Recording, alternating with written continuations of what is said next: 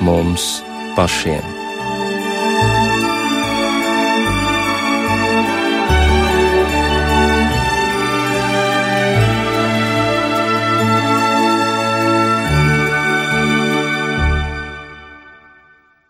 Esiet sveicināti raidījumā pāri mums pašiem, lai ir slavēts Jēzus Kristus. Studijā Inte Zēgnere par skanējumu rūpējas Mārtiņš Paeglis, bet mūsu raidījuma viesi šovakar ir pārdaugavas svētās trijādības pareisticīgo baznīcas priesteris Jānis Dravans un Rīgas svētās Marijas Magdalēnas draudzes prāvests Andris Kravalis. Cilvēka dzīve nav nekas cits kā gara, dramatiska un neizbēgama viņa attīstība, kas ir pārtapšana par dieva bērnu. No cilvēka bērna, kas ir dzimis šai pasaulē, es kļūstu par dieva bērnu un reiz piedzimis no sava tēva un mātes, kas atstājuši mantojumā laicīgās realitātes, es otrais piedzimšu par debesu bērnu. Pašreiz es esmu vēl tikai pusceļā starp savu pagātni un nākotni, starp lietām, kuras pazīstu, un tām, kuras ir noslēpums. Viss kosmoss un vēsture ir kā tāds neizmērojams un daudzveidīgs, gaišs un tumšs, viegls un grūts kā mātes klēpis, kurā norisinās manis radīšana mūžībai. Tāda ir dieva mīlestība, kas mani veido. Uz dzīvību, nevis uz nāvi, uz sazināšanos, nevis vientulību, uz laimi un neasarām. Tādēļ, kad būšu izkļuvis no šī klēpja, es paraudzīšos uz zemi, kas mani ir dzemdinājusi, un teikšu, beidzot.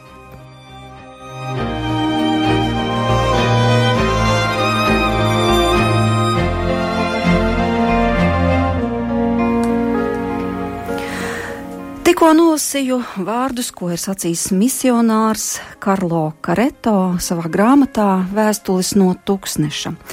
Un tā kā tikko Katoļu baznīcā tika svinēta dvēseļu diena, tātad zinām, 1.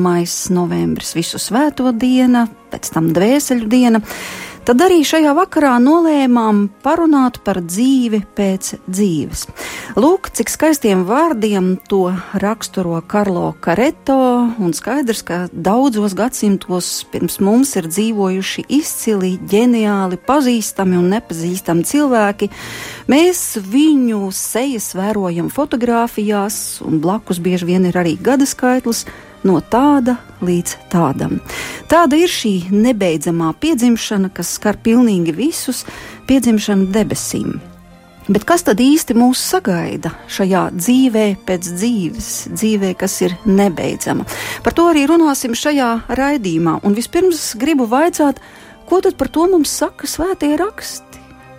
Vai viņi runā par to, kas ir aiz šīs svītras, aiz šīs līnijas? Jā, nenoliedzami. Eh, Dieva vārds eh, Jēzus Kristus personā mūs izgaismo par to stāvokli, kas mūs sagaida aiz nāves, bet uh, runāja par tādu piedzimšanu. Bet varbūt, lai mums vieglāk to saprastu, cilvēks jau nepiedzimst tikai vienu reizi. Cilvēks jau tiek ieņemts mācības miesā, un tā īstenībā jau ir viņa eksistences sākums. Savaidā viņš jau ir dzimis, pat ja viņš vēl nav piedzimis un ienācis šajā pasaulē. Mēs varam runāt par viņa ienākšanu, kā dzimšanu, un tā arī saprotam, bet uh, baznīcā mēs runājam par garīgu piedzimšanu caur kristību. Arī eh, tā ir ļoti, ļoti būtiska, ka cilvēks iegūst dieva bērna stāvokli, un tad ejot uz priekšu, pienāk brīdis, Un, ja es tā skaitu, tad tā jau būs ceturtā uh, piedzimšana, piedzimšana mūžīgai dzīvei. Un uh, es domāju, gan rietumu, gan austrumu tradīcijā, tad, kad mēs svinam svēto dienas, mēs izējām tieši no uh, viņa piedzimšanas debesu valstībai. Un uh, tas ļoti uh, palīdz mums saprast, cik šī piedzimšana ir svarīga. Mēs tai gatavojamies, un tā ir uh, patiešām nu, māksla uh, nodzīvot tā, lai mēs uh, ietu mūžīgās dzīves apsolījumā. Un, protams, svētie raksti nemitīgi runā par modrību, ir tik daudz līdzības par debesu valstību, par gaidīšanu, par kalpu uzticību, par desmit jaunavām, kuras ir aicinātas būt modras un gaidīt līgavaini, tad Jēzus nemitīgi runā par šo stāvokli. Viņš arī par to runā kā par stāvokli, kuram viņš pats ies cauri, caur krusta upuri, kad viņš atgriezīsies pie tēva. Un tāpēc tieši izējot no tā, ko Jēzus mums saka, mēs nu, nojaušam mūžīgās dzīves dāvanu šo lielo noslēpumu. Jēzus taču saka, es eju pie tēva, tur, kur es eju, jūs vēl nevarat iet. Viņš saka, tur ir pietiekoši daudz mājokļu visiem, jums būtu jāpriecās, ka es tur eju, jo es nākšu un ņemšu jūs atpakaļ, es jums došu svēto garu. Tad Jēzus nemitīgi runā par šo realitāti, ko viņš ļoti labi pazīst, no kurienes viņš nāk, uz kuru viņš aiziet, un viņš aiziet, lai sagatavotu mums māju vietu. Tādā gadījumā man ir jāvaicā par šo lielo atšķirību.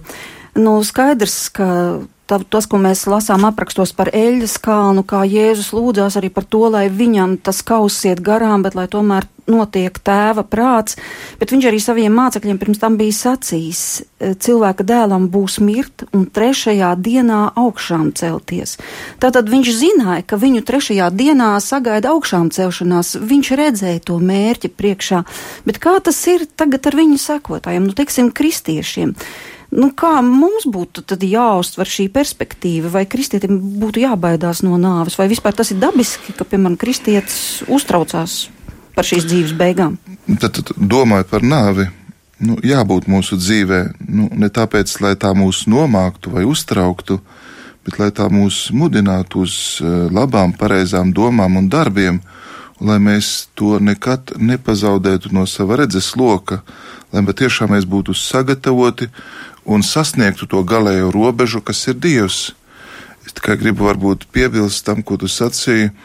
Jēzus uh, pats izvēlējies iet šo ceļu, viņš saka, manu dzīvību neviens neatņem, es to dodu. Tas bija viņa lēmums iziet cauri nāves durvīm. Tā nebija nejaušība, tā nebija kāda vara, kas viņam to spieda, bet tā bija viņa mīlestība, kas uh, tieši arī tad atbruņo nāvi, kā Pāvils teiks, nāve zaudēs savu dzeloni, un uh, Kristus uh, dāvā pasaulē augšām celšanos. Kristus atver uh, debesu valstības vārtus, ieejot tur kā pirmais un uh, dodot iespēju arī mums uh, gaidīt, gatavoties, dzīvot šajā cerībā. Un vēl jau vairāk, tad, kad Jēzus mirst, uh, Viens no evaņģēlistiem runā par dvēselēm, kas parādās svētā pilsētā, kas jau īstenībā ir kā augšām celšanās zīmes. Tā... Jā.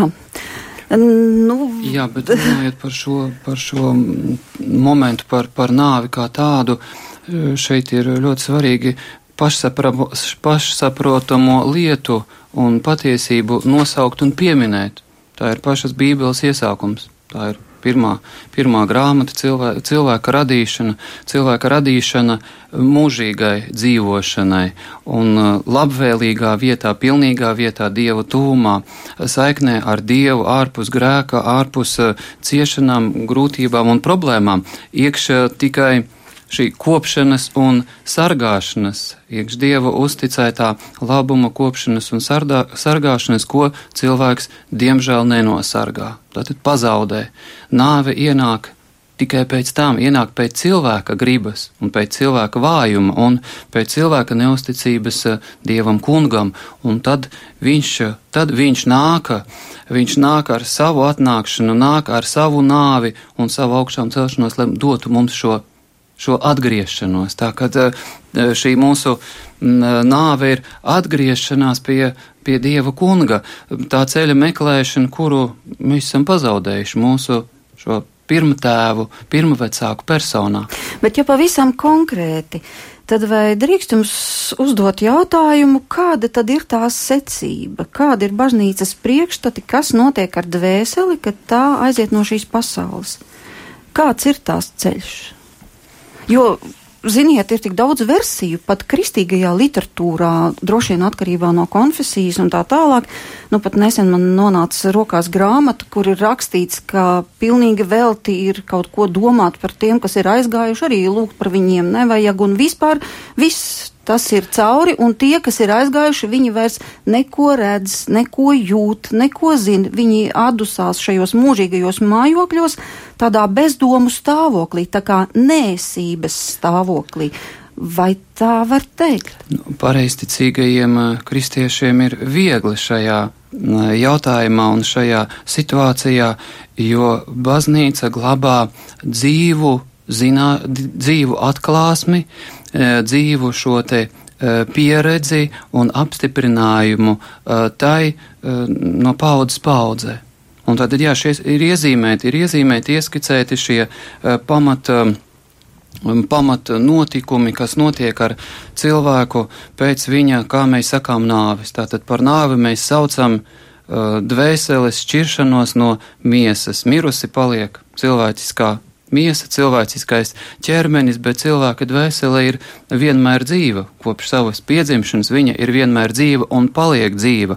Un arī attiecinot uz dvēseli, runājot par dvēseles nāvi, eh, par dvēseles nāvi jau mēs saucam nevis dvēseles pazušanu vai iznīkšanu vai aiziešanu nebūtībā, bet gan eh, dvēseles atkrišanu no Dieva kunga, no Dieva patiesības, no, eh, no Dieva svētajiem baušļiem. Un tā tad šī te nāves process, kā mēs to saucam tādā laicīgā valodā, viņš iesākās ar dvēseles šķiršanos no miesas, un, šo, un to, šo faktu, šo svēto lielo atbildīgo faktu nosaka Dievs kungs. Viņš, viņš nosaka šo, šo aiziešanas brīdi un tiek sūtīts pēc baznīcas mācības, kas sakņojās svētajos rakstos un garīgajā mantojumā, sākot jau no svētajiem apustuļiem un pat vēl no vecās derības laikiem. Tiek sūtīts eņģelis, šis tā saucamais nu, nāves eņģelis, kurš pavēl cilvēka dvēselē iziet no miesas uh, un uh, cilvēka dvēsele ieiet uh, šajā garu, jeb garīgajā pasaulē. Un pēc baznīcas tāda garīgā mantojuma ir zināms, ka kādas divas dienas dvēsele var atrasties uz zemes, atra, būt tajās vietās, kas, ir, kas viņai ir bijušas tuvas šeit zemes dzīvošanas laikā, nu, un tad jau uz trešo dienu Tad sākās šis grūtais eh, pārbaudas laiks. Dvēsele tiek pārbaudīta uz katru labo tikumu un uz katru grēku.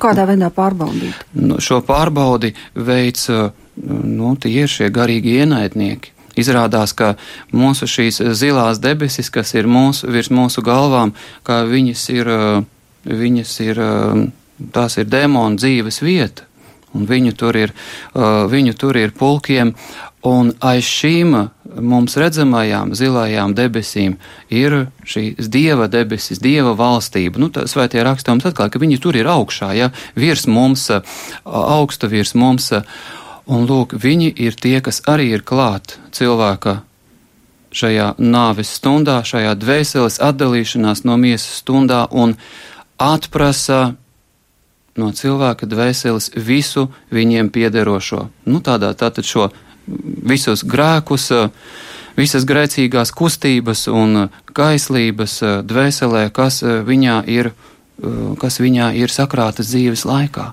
Un par visu cilvēku šai dvēselē ir jāsniedz atbilde un jāiet cauri visiem šiem pārbaudījumiem. Apmēram noteikti šī 20, 20 pamat šie grēki, pamat kaislības, kuras uz kurām katrs tiek pārbaudīts. pārbaudīts nu, nosauciet kaut dažus, lai vismaz varbūt nu, vieglāk tikt cauri jā, visam ir, procesam. Viņi ir, viņi ir saistīti ar, ar jebkuru, nu, ar visiem kunga svētajiem dotai, svētajiem baušļiem. Uh, šis te uh, šķīstības uh, pārba, pārbaudījums, uh, ticības, cerības, mīlestības, un tad jau šie te cilvēciskie grēki, visāda veida ļaunprātība, ļaunums, nepiedošana, lieku vārdu, nepareizu vārdu lietošana, negodīgi solījumi un visa veida pārējās negodīgās, grēcīgās darbības. Tātad dvēsele sevī to visu saglabā to, kas eh, nav nožēlots, kas nav šķīstīts caur grēku nožēlu un eh, grēksūdzi un grēku nožēlu, un nav,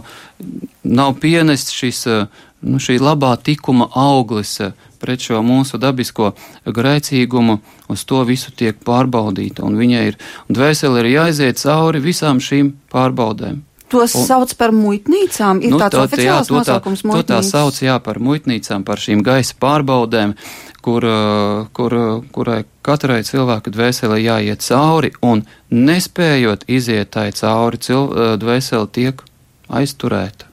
Tiek mm. aizturēta un pārņemta to varā, kuriem pieder šis, šis grēks, šī, šī kaislība, šis ļaunums, kuram mm, nabaga dvēsele ir viegprātīgi padevusies. Nu, pat man un... radās sajūta, ka mēs tālāk pa pirmo stāvu ceļā netiksim, tāpēc, ka, nu, ja, ja pie kādas no šīm muitnīcām dvēseli iesprūst, tad arī viss. Ļoti grūts, jā, ko? ļoti grūts tas stāvoklis. Tad mums paliek šī cerība uz, uz, uz Dieva žēlastību, uz svētās baznīcas lūkšanām un mūsu tuvinieku lūkšanām, kurām ir atvēlēta tik liela vieta uh, Kristus baznīcā, ka mēs praktiski mums noliekts, kat, nolikts katru dienu pieminēt un lūgties par mūsu aizgājuši, aizgājušiem tuviniekiem, par mūsu zināmajiem un arī par visiem mūsu ticības brāļiem un māsām, lūgties un, un pieminēt viņus. Tātad šis ceļš ir tiešām grūts un, un uh, un izējot šo, šo pārbaudi, ja, un uh, dvēselē tiek dota iespēja ieskatīties arī debesu mājokļos. Tā tad ir šis noteiktais laiks šajās, šis nosacītais laiks ir 40 dienas pēc mūsu zemes mērījuma, kas dvēselē tiek dots uh, nu, šim pārbaudījumu laikam un šim um, nu, tādam iepazīšanās laikam ar debesu mājokļiem, svētlaimīgajiem un labajiem un arī, protams, šīs, eh, nu, šī, šīs eh, vietas, eh, kuras dvēseli iemanto par grēkiem. Nu, tātad, kā mēs to bībeliskajā valodā runājam, elle, šī, šī mocība vietas arī viņai tiek parādītas. Un tad nosacīt uz šo 40. dienu, dvēseli jau pati redz un sajūt, kurai vietai viņa atbilst, un to vietu līdz Dieva kunga šai otrajai atnākšanai līdz lielajai briesmīgajai tiesai un kopējai augšām celšanai, tad arī dvēseli iemanto. Tātad es sapratu tā, ka pirmkārt tas nav nekāds bezapziņas stāvoklis, ka mēs savu personību, tad, nu, kā, kā radīti, uh, cilvēki saglabājam, tad nav tā, ka pēkšņi nu, pat, mē, pat, mēs vairs neko nesaprotam, tas uz mums vairs neatiecas. Pat vēl vairāk, pat vēl vairāk, mēs daudz, daudz dzīvāk kļūst veseli, izējot tajā garu pasaulē, jo garīgā pasaule, garu pasaule ir ātrāka un daudz dzīvāka nekā mūsu šī zemes dzīvošana, kad mums garu pasaule ir praktiski slēgta. Bet man tomēr tad ir jautājums, kāpēc par to Bībele tik maz eh, ko mums pavēsta?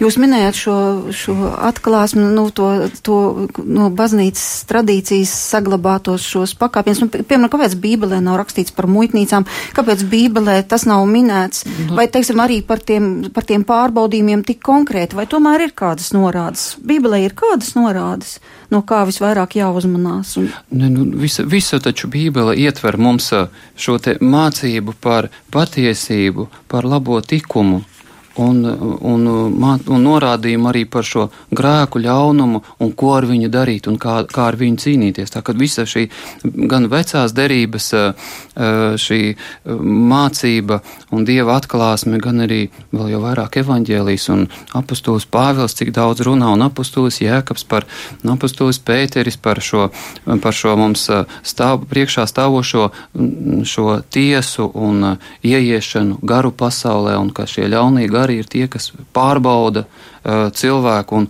pārvalda to, to redzamo, to, tās redzamās debesis, un kā mums, ar, mums ir viņiem jāiet cauri, kā apustulis saka, ka mūsu cīņa nav ar miesu un asinīm, bet ar šīm te debesu, debesu ļauno garu varām pasaules telpā. Jā, jā, tā un, un, un kad uh, pats uh, ienaidnieks sātens staigā kā, kā lauva, rūkdams un meklējams, ko varētu aprīt. Tā ka mūsu stāvoklis ir tiešām tāds ļoti, nu, ļoti nopietns un, un uh, dramatisks.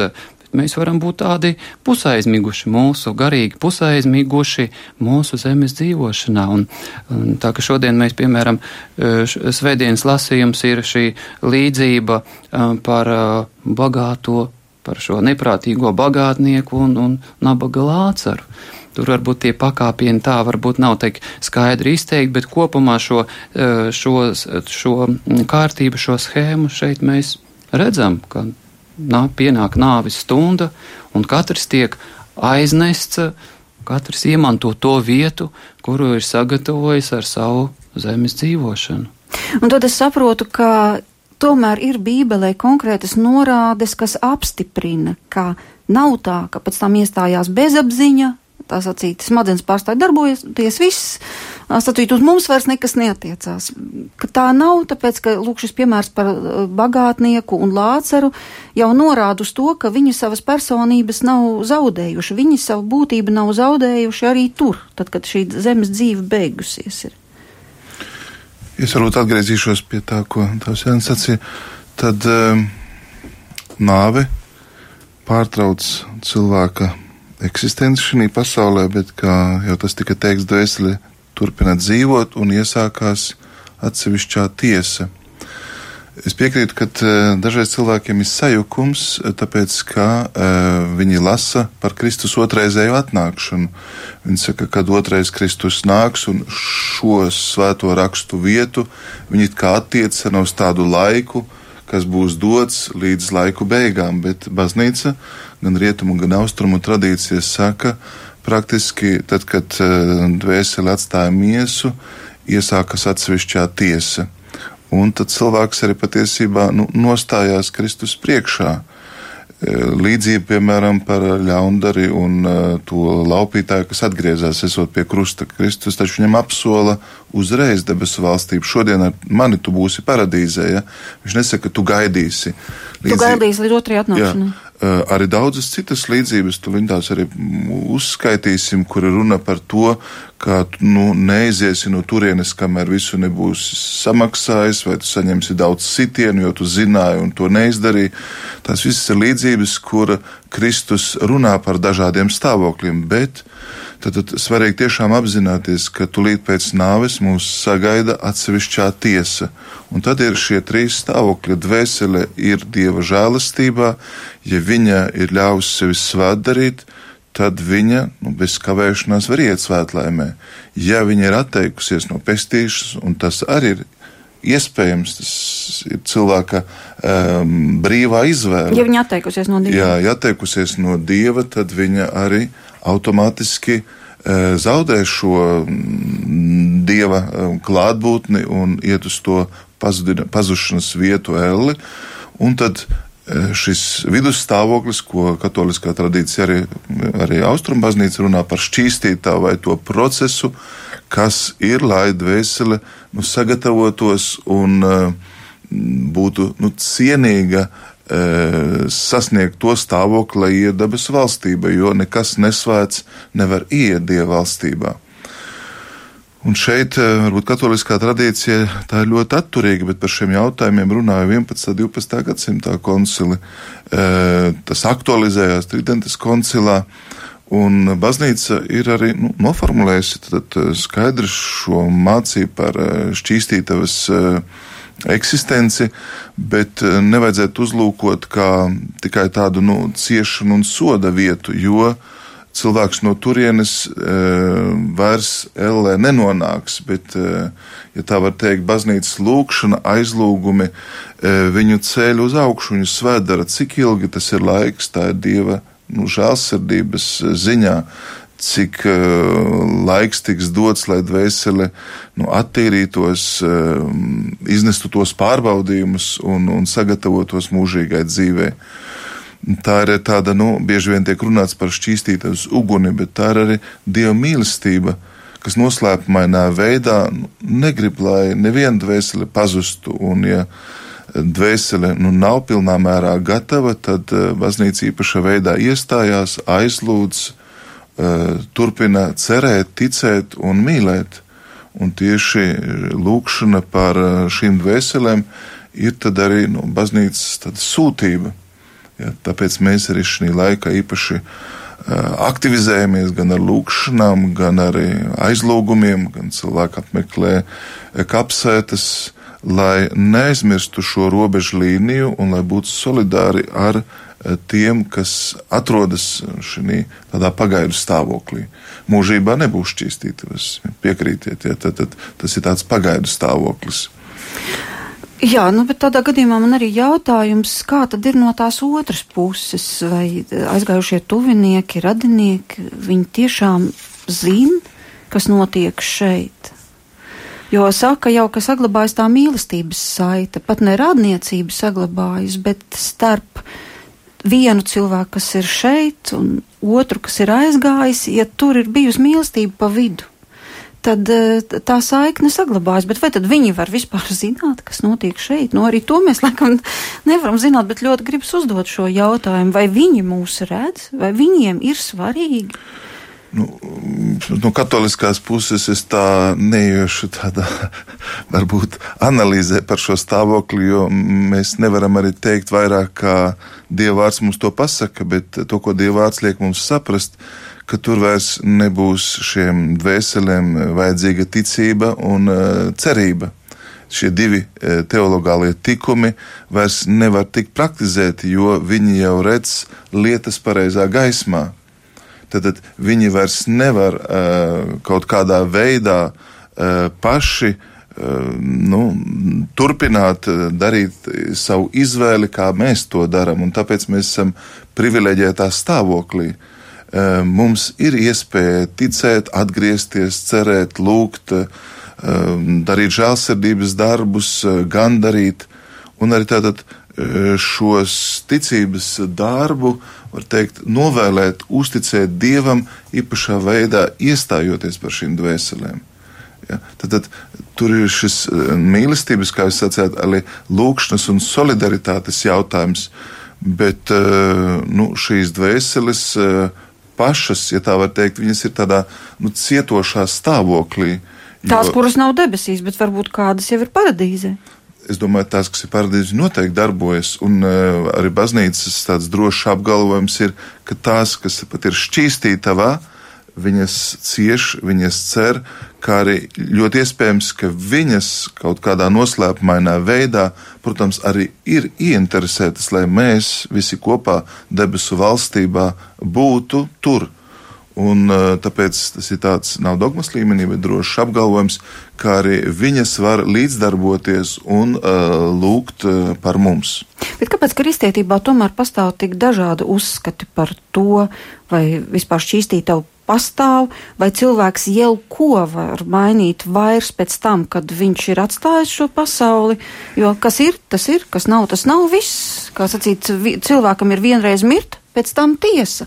Kādi vēl tur starpstāvokļi? Nu, Pareizcīgā baznīca glabā šo uh, sākotnējo tādu mācību, un viņa jau ir īpaši jau sākot no 4. un 5. gadsimta par šo, eh, par šo mm, pārbaudes ceļu, par to dvēseles aiziešanu vietā atbilstoši savam garīgajam saturam, ko ir eh, savā dzīvē veidojis, tātad kopusi un sargājusi, un, un par baznīcas aizstāvību. Jā, viņa aiziet savā vietā, bet uh, baznīcas pamatādos uh, mācības uh, tādos patiesībās ir izteikta šī, šī īstenība, ka Kristus bezasiņu upuri svētā eharistija ir un tajā tās veikšana un tās laikā aizgājušo pieminēšana visu, un arī tos, ko mēs atceramies un nosaucam pēc, pēc vārda,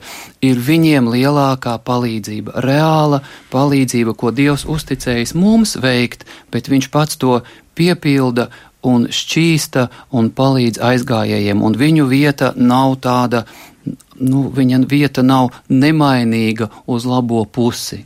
Tātad šī lūkšana un žēlastības dāvanas, eharistija, vispār lūkšana uh, un žēlastības dāvanas, ko kristiešiem ir uzticēts veikt par labu saviem aizgājiem, ir reālas uh, palīdzības sviras, ar kurām mēs ļoti daudz varam palīdzēt mūsu aizgājušiem tuviniekiem, ja viņiem pietrūkst. Ja viņiem pietrūkst, ir pietrūcis un nav izdarīts, nav pabeigts, nav izcīnīts, viņi var izmainīt, eh, Dievs kungs var dāvāt viņiem iziešanu no šīs gūsta, šīs moku vietas, eh, gaismas vietā.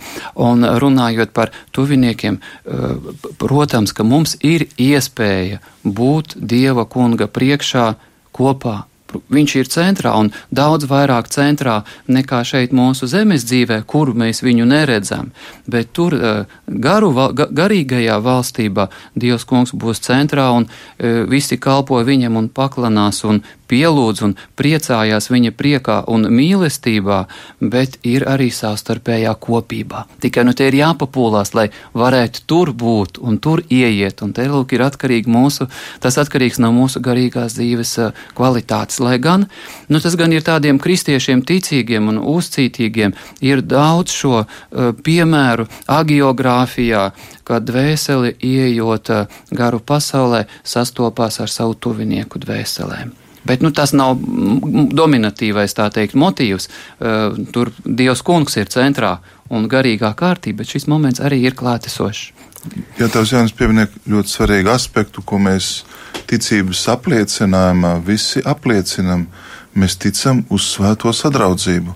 Tad, tad mēs patiešām esam savā starpā uh, saistīti, un kāpēc tad, uh, lai mīlestības saites pārtrūktu, mēs turpinām kā karojošā baznīca um, palīdzēt, līdzdarboties tiem, kas jau atrodas citā stāvoklī. Un tā īsti nav, ka tas tikai būtu radies viduslaikos, ja paskatos, ko, piemēram, lieli svētie, kā piemēram Augustīns 4. gadsimtā. Viņš saka tā, lūkšana ir atslēga, ar kuru atver debesu vārtus dvēselēm šķīstītavā. Viņš uzsver, cik svarīgi lūgties. Ja vēlies, lai kungs apžēlotos par tevi, tad tu esi žēlsirdīgs pret saviem tuvākiem šķīstītavā. Piemēram, Hieronims saka, mēs esam tik tuvu svētlaimē, cik vairāk mūsos ir līdzjūtības un mīlestības uz dvēselēm šķīstītavā.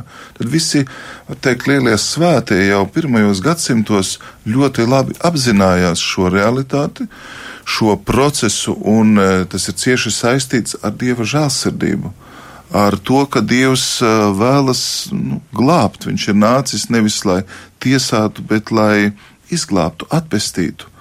Un tāda ir, kā tevs Jānis sacīja, tāda ir baznīcas misija un sūtība.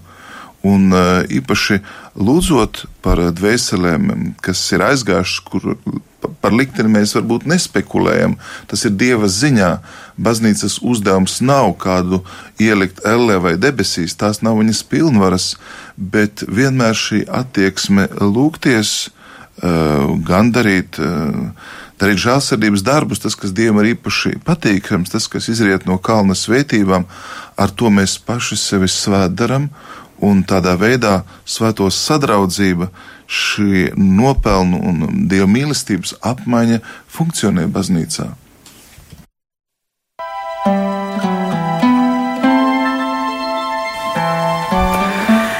Raidījuma pirmajā pusē izskanēja diezgan daudz brīdinājumu, un lai gluži nebūtu tā, ka pa nakti nevar aizmigt, jo patiešām ziniet ļoti daudz, par ko nākas domāt no šāda jūsu konteksta, kādu mēs dzirdējām, gan par muitnīcām, gan par pārbaudēm, gan par to, ka Tiesāti mēs tiksim, diemžēl, sakarā ar to, arī saskaņā ar to, kā būsim dzīvojuši, bet nu, tomēr tas jūsu apraksts, dvēseles iešana cauri pārbaudījumiem, patiesībā tas ir diezgan biedējoši, jo rodas sajūta, ka tālu nekur nevar tikt.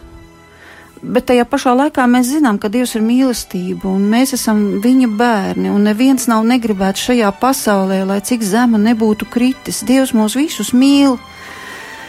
Un tas nozīmē, ka mums tomēr vajadzētu cerēt uz viņa žēlsirdību, un arī Bībelē ir teikts, ka ne jau savu labo darbu dēļ mēs tiekam izglābti, bet tāpēc, ka Jēzus atnāca un uzdāvināja mums to.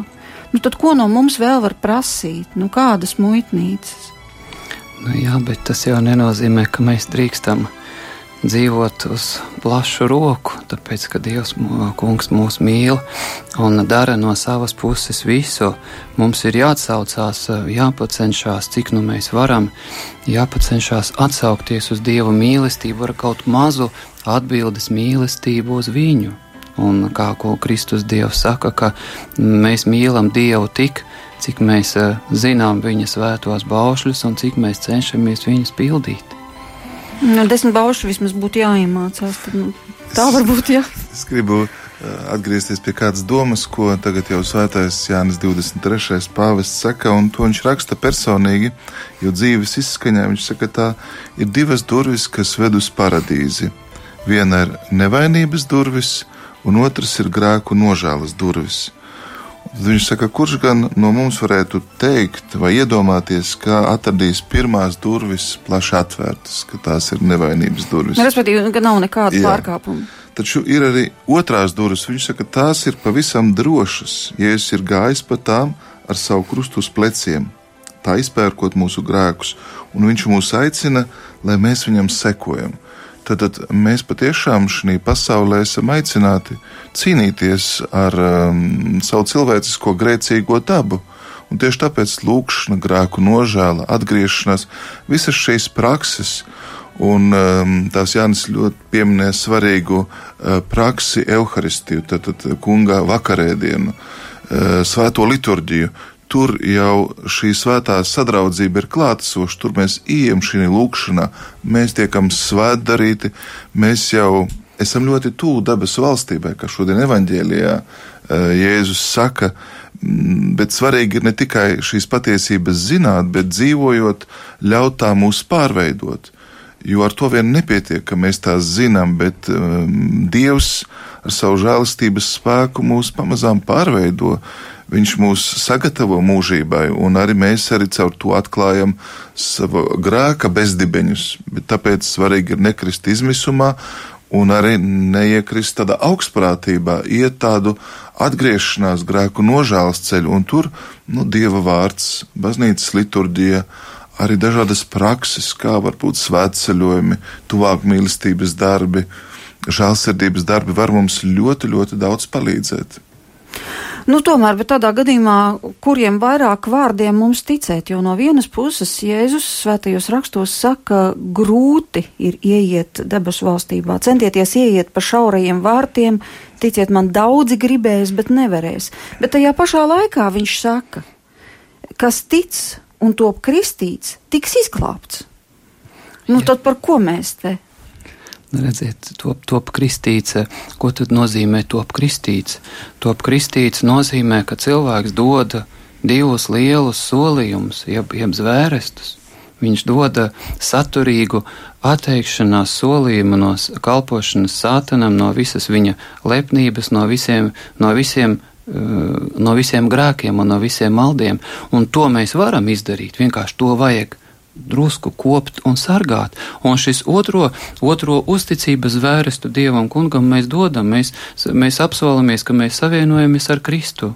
Tas nozīmē, ka mēs pieņemam ticību uh, patiesajam Dievam, ka mēs pieņemam viņa svētos baušļus par mūsu dzīves baušļiem un mūsu dzīves principiem, un ka mēs pieņemam svēto baznīcu, ka mums tas ir vajadzīgs, mums tas ir svēts, uh, glābjošs un pestījošs, un ja mēs to, un, un, kā, nu, jā, un kā būt pretējā gadījumā, ja mums tas nav vajadzīgs, ja mēs pieņēmām kristību, nu kas ir kristība bez, bez šī satura?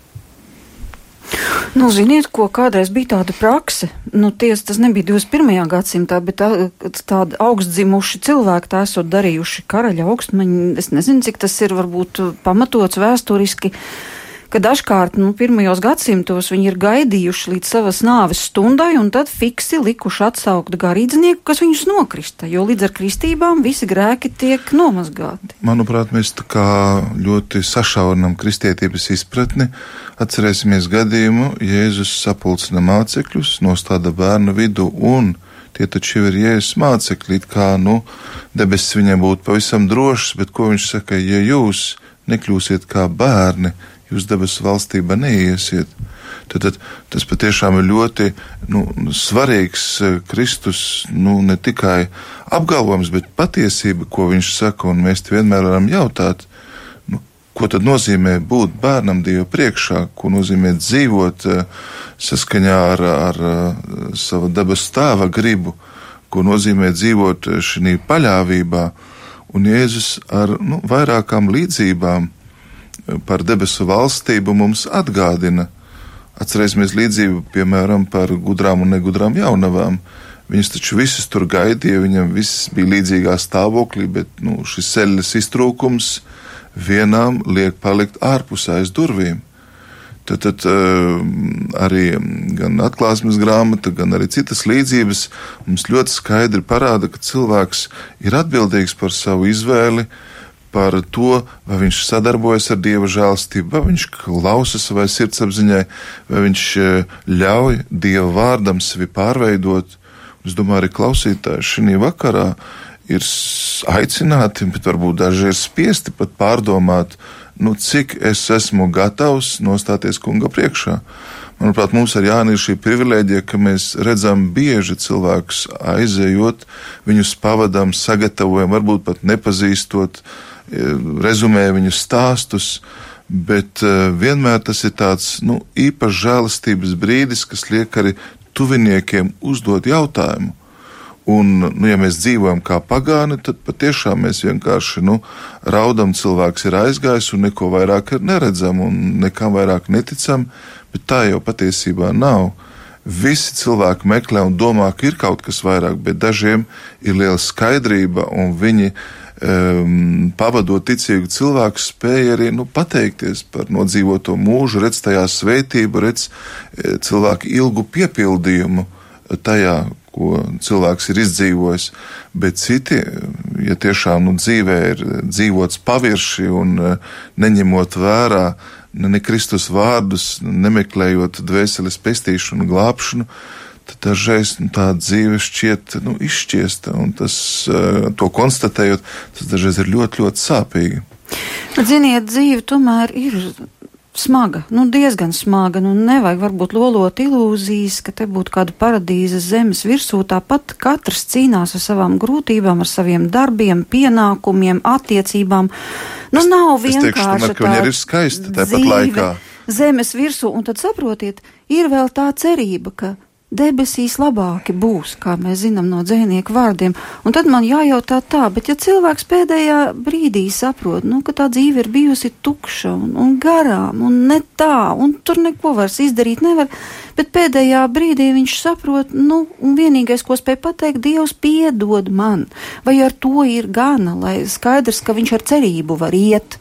Par to jau tika teikt sākumā, kā ar par to, ar to var būt gana, bet tas ir tāds uh, nedrošs uh, stāvoklis un nedrošs uzstādījums, uz viņu nevar droši nekad paļauties, bet tas ir tā, nu, tā saprātīgā vai uh, šī gudrā laupītāja gadījums, uh, kur viņš bez šīm muitnīcām, viņš saka, ka Kristus Dievs viņam saka, kā bija minēts, tu šodien būsi ar mani debesu valstībā, un mēs varbūt sākumā nepateicām, ieskicējot šo te debesu ainu, ka šeit bija vismaz jāpasaka, vismaz uh, sirdskaidrā Aleksandrijas Makārija vārdi, ka zemes lietas šeit pieņem par pašu vājāko debesu patiesības atveidu pašu vājāko debesu patiesības atveidu. Un, un uh, ir daudz uh, apakšgadījumu, kad uh, mēs runājam par to 40 dienu laiku un, un tā, bet varbūt, varbūt arī citādāk, bet principā tā,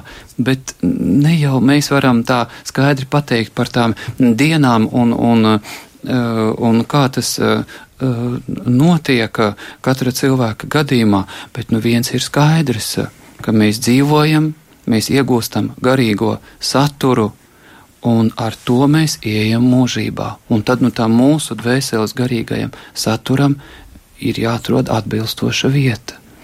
Bet svarīgi jau ir tomēr nezaudēt cerību. Jo tas ir, man liekas, pats trakākais, kas vispār var notikt. Nu, tev uz zemes neviens nepaliek, tālāk sazina, kā tur būs. Nu, ja mēs ar tādu domu dzīvojam, tad cauri. Tad vienkārši var nonākt ļoti lielā depresijā.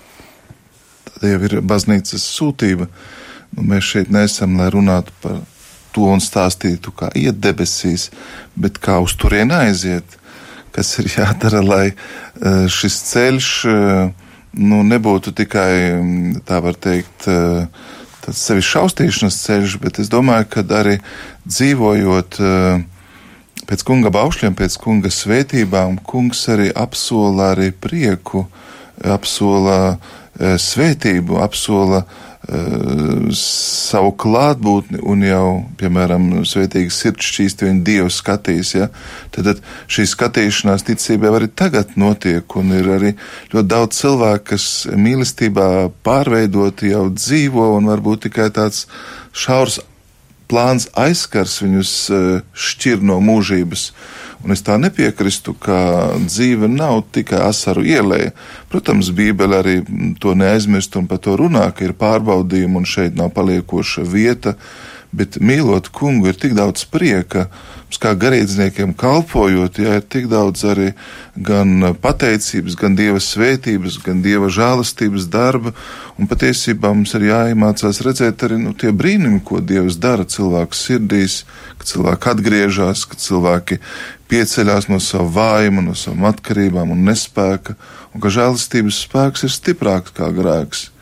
Mums ir jābūt, es pilnīgi tev piekrītu, nu, cerības vēstnešiem, kristiešiem kā pirmajiem, bet ja mēs, ja tā var teikt, dzīvojam tikai nu, sev un, un, un, un tā kā kapājam sevi un, un esam nodarbināti tikai ar sevi, mums jāredz arī mūžības perspektīva, un tāpēc draudzene Tāpēc arī nu, atbildība par to, kas ir uzticēts, arī gan darbs, gan ģimene, ir tās vietas, kas tevi svētdara.